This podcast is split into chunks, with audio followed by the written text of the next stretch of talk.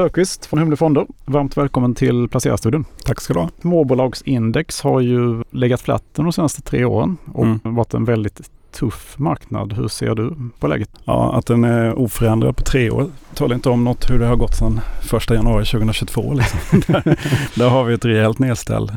Det, det som är intressant med småbolag, småbolagen har ju haft det skitjobbigt eh, både 2022 och även nu i år. Då, där, och sen att man lag, eh, och framförallt att man laggar de stora bolagen och gör det ganska väsentligt. Alltså vi, vi har ju sett den här typen av liksom historiskt har det funnits ganska stor följsamhet mellan de stora, stora och små bolagen. Eh, vi tog fram någon bild i förra veckan och vi tittade på liksom hur, hur stora fall nedåt är det liksom på, eh, och, och följer de varandra. Och liksom, när vi hade Lehman-krasch och när vi hade IT-krasch och eh, covid-kraschen etc. Så, så har småbolagen och storbolagen eh, hoppat ner från sina toppar ungefär lika mycket. Liksom. Men det, eh, situationen nu är helt annorlunda när småbolagen är ner. Liksom, typ 35 procent ner sen, eh, sen toppen eh, december 2021 och, och de stora bolagen är 10-11 procent. Liksom. Varför är det så stor skillnad?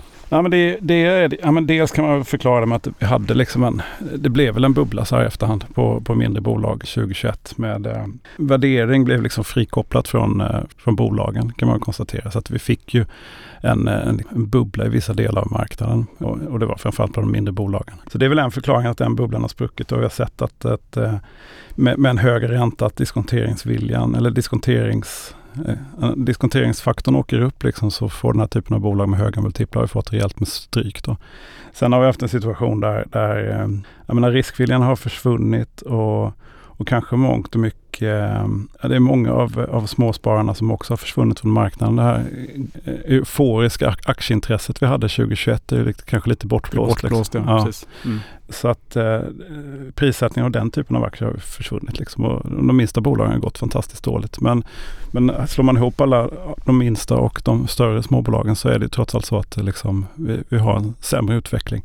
Sen kan man väl i den här miljön då med, jag menar det nya vi har fått är ju, det är ju ränta helt plötsligt. Ehm, och inflation och, och sen en, en konjunktur som, som ser lite brunare ut. Då. Och det är klart, och, och en svag krona ska vi också komma ihåg.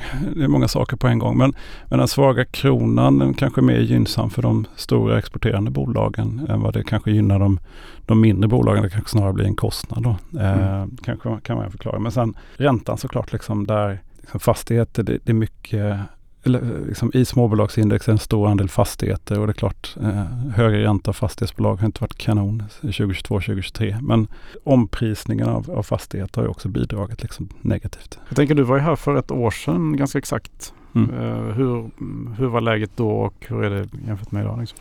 Ja, men för ett år sedan då stod vi väl inför egentligen botten på, eh, det var väl där det bottnade ur. Vi- Vi ska komma ihåg att vi står lite högre än botten eh, förra året trots allt. En högre botten så att säga. Exakt.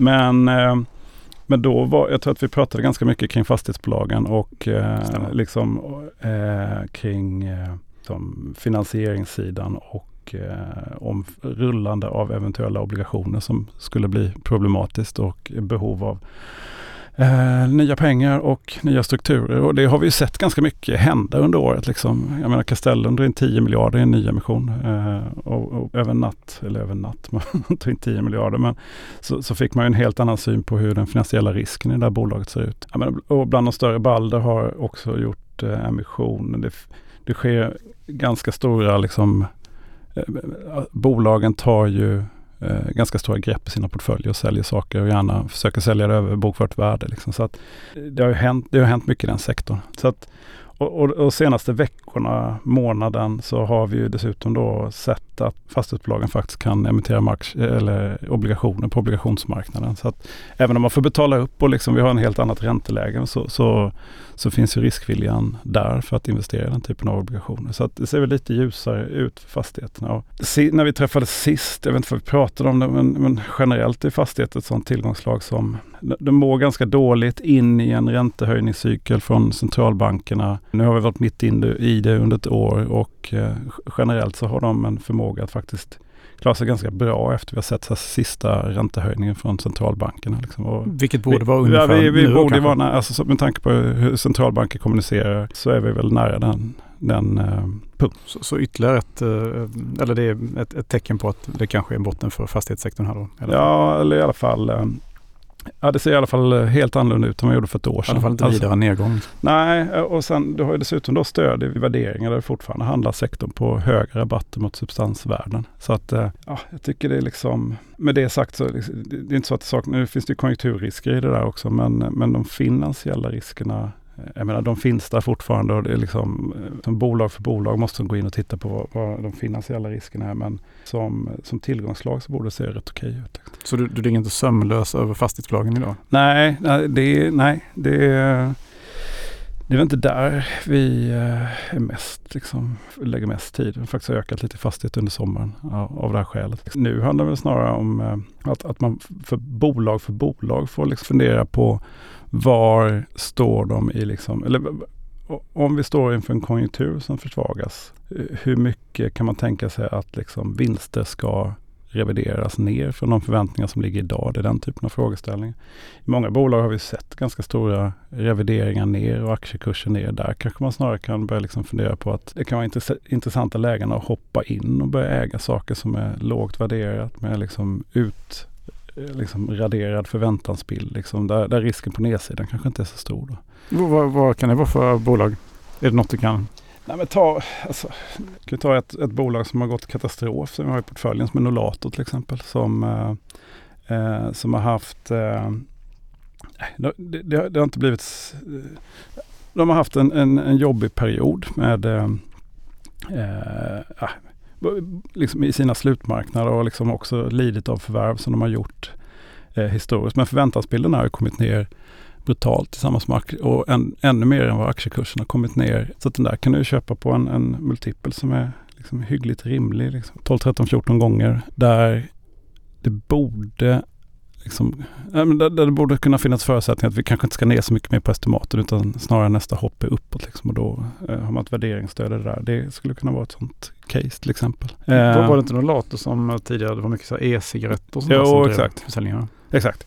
Och det har ju också varit en hämsko. Nu gick de ut för några veckor sedan och, och kommunicerade att, att e-cigs-andelen är under 5 Och det är en viktig liksom, tröskel för många e-investerare att man screenar bort eh, eh alla bolag med tobak över 5% att det screenas bort automatiskt. Nu är man helt plötsligt eh, liksom, nu är man förbi den tröskeln så nu är man möjlig att investera i för den typen av investerare.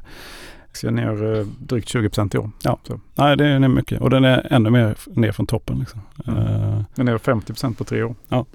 Så att eh, det är ett bolag som är i min värld välskött. Liksom, le, alltså, lever i en värld där man lever på eh, kontraktstillverkning av olika typer av produkter. Eh, det är någonting som över tid växer liksom, bättre än vad en typ av global BNP gör. Liksom. Så att eh, du har liksom en, en underliggande tillväxt som är bra och sen ett, ett välskött bolag som avkastar rätt bra med pengar. Liksom. Och andra kontraktstillverkare har ju gått väldigt starkt. Eller Ja, kanske men de här senaste EMS, månaden, men- EMS-tillverkarna, Mm. absolut. Ja, och det är ju samma story där. Eh, där kanske man inte har fått den här oron kring, eh, kring vinsterna eh, än. De har ju fortsatt visa väldigt bra eh, tillväxt. Jag tänker på ja, men Note och Hansa och allt vad de heter. Eh, och, också en sektor som man får liksom på de har aldrig handlats i höga multiplar men eh, där, där, får man ju fundera, där får man vara lite mer försiktig och fundera på liksom, om det finns någon, något konjunkturmoment som man ska fundera på. Liksom. Ytterligare något ni kikar på som är, är allt för utbombat. Vi säga att Bravida till exempel också. Så här, du hör ju att det, det här är inga, här för två år sedan så var det mycket mer eh, snabbfotade eh, tillväxtcase man pratar om. Men, men nu handlar det om att hitta värderingsstöd och där är också ett bolag som, jag menar, det har, det har lidit extremt mycket av den svaga byggkonjunkturen vi har. Då är det här trots, ett bolag, trots allt ett bolag som har eh, 50% av sin, sin verksamhet, eh, service och underhåll, eh, väldigt stabil. Har en historik som är otroligt liksom, eh, stabil vad det gäller liksom, förmåga att generera en marginal eh, som inte avviker allt för mycket från någon typ av medianvärde över tid. Liksom. Om den är 5-6 eller 5,5-6 Men det, det avviker inte speciellt mycket. Eh, bra kassaflöde, lätt ba- balansräkning men kursen har liksom havererat totalt. Liksom. Ner 30 procent i år. Ja. Hur, hur kommer det sig? Nej, men det, de har ju lidit av att eh, byggkonjunkturen har kört in i väggen. Eh, så att de har fått en smäll, eh, åkt med eh, byggarna ner helt enkelt. Och det, det finns ett mått av, av eh, Eh, nybyggnation idag. Men, eh, och det har det alltid gjort men det är inte, eh, jag- tror inte att det är en så stor risk. De har, de har klarat sig igenom sina svaga perioder tidigare med liksom en väldigt stabil marginal, det här bolaget. Och där, där köper du på en värderingsmultipel som är under 10. Liksom. Mm. Helt okej. Ovanligt billigt. Ovanligt billigt. Finns det någon mer så sektor som...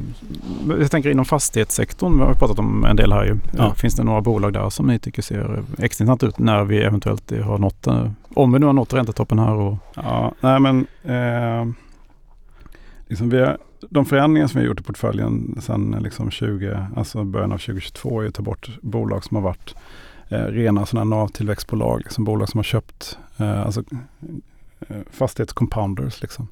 Eh, och fokuserat mer då på de bolagen med, med, med kassaflödesgenerering och där är liksom Sagax och MP3 till exempel som har legat kvar i portföljen. Sen har vi tagit in Castellum i portföljen eh, under inledningen av året just av det här vi pratade om tidigare. Då. Eh, det som är intressant nu är väl egentligen eh, den lagg som finns, alltså inflations inflationskompensationen har ju många av de här bolagen fått direkt genom eh, att, att man har liksom kopijusterade avtal. Nu har vi ju, de, de som led och inte fick igenom hela eh, kompensationen har ju varit eh, hyresrättsbolagen, bolagen med hyresrätter. Eh, så att nu ser förhandlingarna ut att bli extremt, alltså kraven som, som fastighetsägarna ställt i, i delar av landet så här långt är ju 12-procentiga Mm. hyresökningar.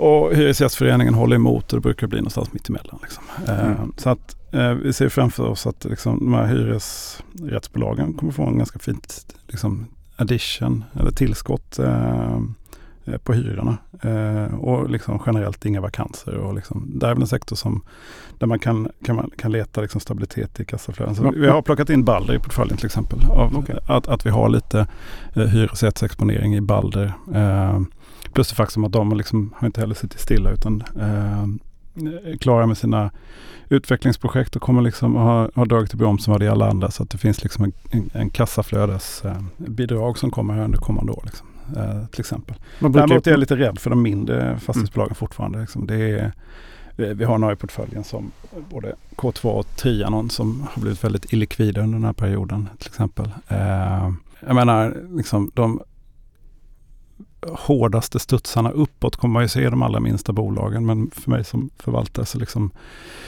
så, eh, är det svårt att liksom ta sig an det likviditetsmässigt eh, i den här situationen. Liksom. Trianon, liksom, mycket hyresrätter nere i Skåne. I Malmö, va? Ja, i Malmö. Eh, Det skulle kunna vara något liksom, eh, på, det temat som jag pratade om tidigare. Då man får ännu renare liksom, hyresrättsexponering om man tror på det. Liksom. man brukar väl säga det att alltså, inflationen kommer in i hyrorna. Alltså, Ja, till, ja, det, fast- fast över, tid. Över tid. Över tid, ja. Ja, precis. över tid. Mm. Så Eh, det är väl det vi... Mm. Så de kommer precis att gynnas extra mycket då när vi får... eh, Ja, när, när inflationen kommer tillbaka. Precis. Ja. Finns det någon annan sektor som ni, ni tror kan uh, få ett uppsving här? Ja, men en sektor som, som har fått extremt mycket smäll är ju liksom medicin, alltså medicinteknik. Medicinteknik. Ja, och särskilt de här alltså, tools analysbolagen. Liksom. Vi har ju, ja, men ta Biotage och vi har ett bolag, ett danskt bolag i portföljen, Chemometec. Eh, Vitrolife är också liksom nedkörd i skorna. Liksom. Det har vi inte i portföljen. Mm. Och det är ett global, globalt fenomen egentligen. Ja, det är ett globalt fenomen. Ja. Ja. Och där kan man ju undra liksom, eh, ja de kanske nog var lite högt prissatta eh, 2021. Men, men rent generellt så är det ju bolag som, som har en ganska fin tillväxt. Eh, profil. Liksom. Det är saker och ting som, det kom, jag lovar att det kommer behövas om fem år. Det kanske inte behövs nästa kvartal men det kommer, det kommer att växa sig större liksom, på, på tre till fem år. Många av de här bolagen i den sektorn. Eh, däremot så har vi sett liksom, eh, kan tala för Biotage och Chemometric i portföljen som, som bo, båda är, eh, som har lidit av en, en svagare efterfrågan beroende på att finansieringen från venture capital har försvunnit. Vi har eh, en kinesisk marknad som har, eh, eh som har packat ihop vad, vad det gäller slutkundsefterfrågan. Det har funnits en, en lagersituation i, eh, även i den sektorn som har, eh, som har ställt till det. Så att, eh, många av de här bolagen har ju sett liksom, tillväxttakten komma ner rätt, eh, rätt snabbt. Och med de höga multiplar de här bolagen hade eh, 2021 så, så har de fått lida helt enkelt.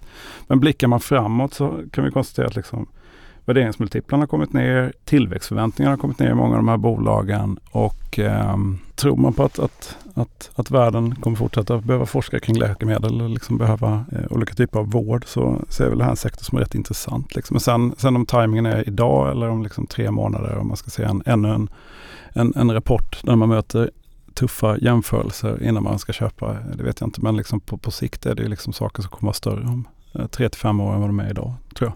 Ni har eh, ganska stort innehav, är ju en, en compounder i form av Adtech. Mm. Hur ser du på, på Adtech just nu? Men där är ju...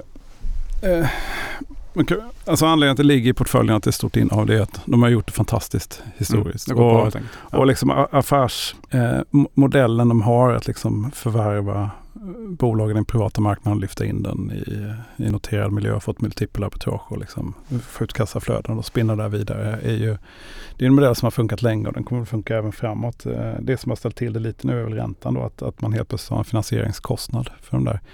Eh, det, man kan, det vi funderar rätt mycket på är ju i vilken mån liksom, den högre räntan liksom ställer till det eh, vad det gäller möjligheten att liksom, alltså för utrymmet att göra förvärv. Alltså en högre ränta kommer ju faktiskt att, att påverka deras kassaflöden också. Så det finns väl en risk att liksom, de, antingen får de springa ännu snabbare och göra ännu fler, eh, liksom, eller göra mer, ännu, eller vara mer noggranna i sitt värdeskapande när de köper förvärv.